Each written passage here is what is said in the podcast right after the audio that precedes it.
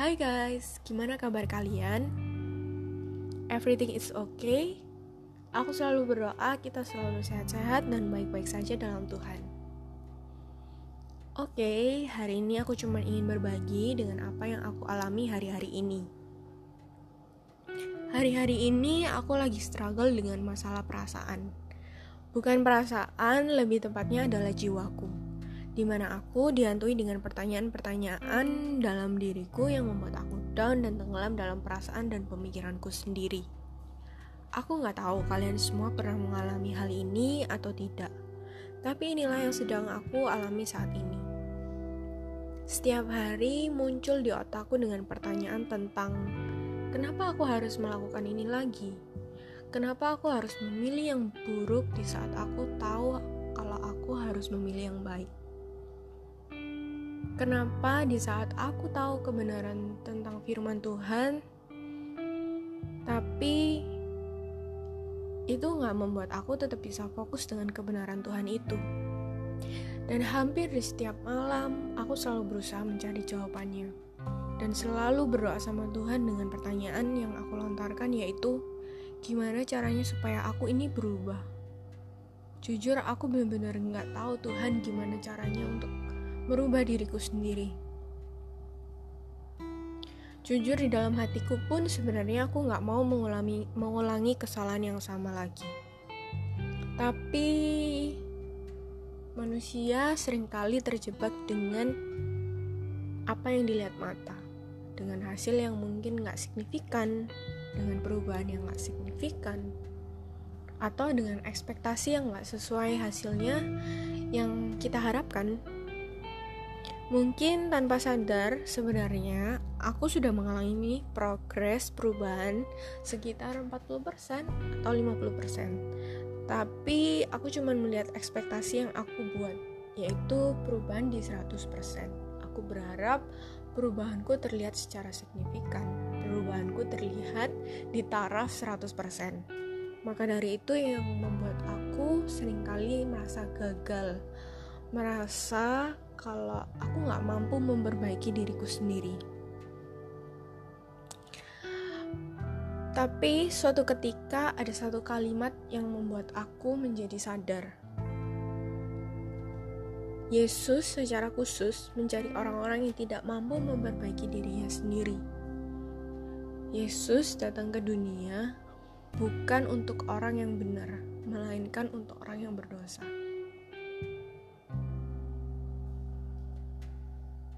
Di Roma 8 ayat 10 dikatakan, tetapi jika Kristus ada di dalam kamu, maka tubuh memang mati karena dosa, tetapi roh adalah kehidupan oleh karena kebenaran.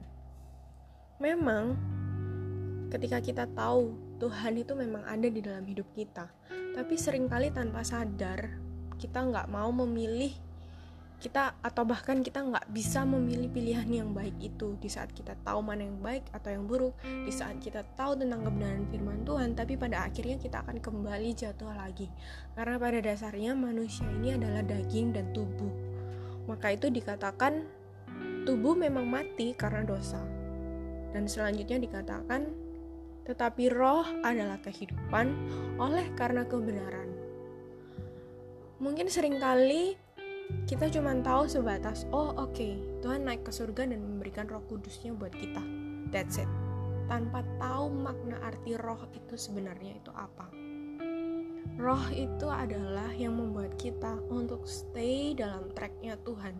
Meskipun sering kali kita berbelok ke arah yang salah tapi roh itu yang mengembalikan jalan kita ke dalam track yang benar bukan dengan usaha kita bukan bukan dengan kekuatan kita, tapi dengan roh Tuhan yang memampukan kita untuk kembali ke jalan yang benar.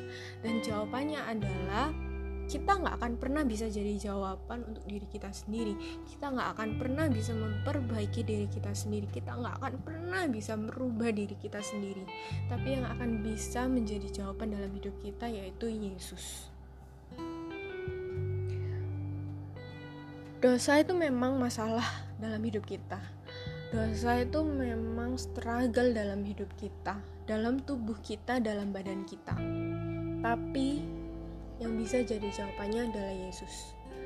Karena hal jawaban ini tuh nggak pernah bisa diputar balikan kalau kita ini yang bisa menjadi jawaban atas diri kita sendiri nggak akan pernah bisa karena ketika kita sadar kalau kita ini selalu jatuh selalu lemah selalu nggak mampu itulah yang akan menyadarkan kita bahwa kita ini harus bergantung sama Tuhan. Ketika kita sadar kalau kita ini uh, mampu ketika kita sadar kita ini strong ketika kita sadar kita ini kuat maka dari itu detik itu juga kita akan merasa kita nggak butuh yang namanya Tuhan. Kita nggak butuh bergantung dengan yang namanya Tuhan. Tapi sebaliknya ketika kita merasa nggak layak ketika kita merasa down ketika kita merasa ini jalan yang seharusnya kita nggak pilih itu membuat kita sadar bahwa kita ini adalah manusia yang selalu bergantung dengan Tuhan. Karena manusia tanpa Tuhan is nothing. It seems dengan namanya firman Tuhan, Alkitab. Alkitab tanpa cerita tentang Yesus, tentang pribadi Yesus, it's nothing. Akan menjadi sebuah buku biasa.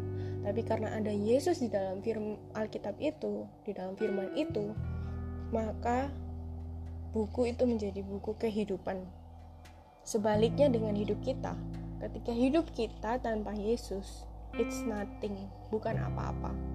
Tapi ketika hidup kita berjalan bersama Yesus, hidup kita menjadi terang, hidup kita menjadi sebuah dampak yang tanpa kita pernah sadari, tanpa kita mengerti apa maksud Tuhan.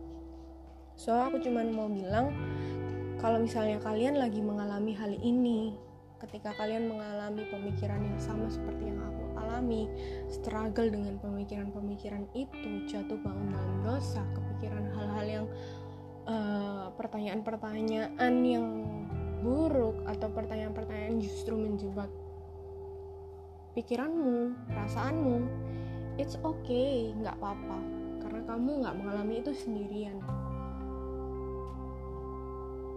percayalah satu hal seperti yang sudah aku bilang tadi kita nggak akan pernah bisa jadi jawaban untuk kita sendiri karena nyatanya aku mencari jawaban itu setiap malam, setiap hari berusaha dengan kekuatanku, justru aku nggak menemukannya. Tapi ketika aku menerima, ketika aku uh, menyerahkan benar-benar menyerahkan ke Tuhan, di saat aku udah nggak butuh jawaban itu lagi, justru Tuhan yang memberikan pengertian itu sendiri. Justru Tuhan yang memberikan aku jawaban itu sendiri. Dan yang terpenting adalah uh, roh roh dalam hidup kita ini.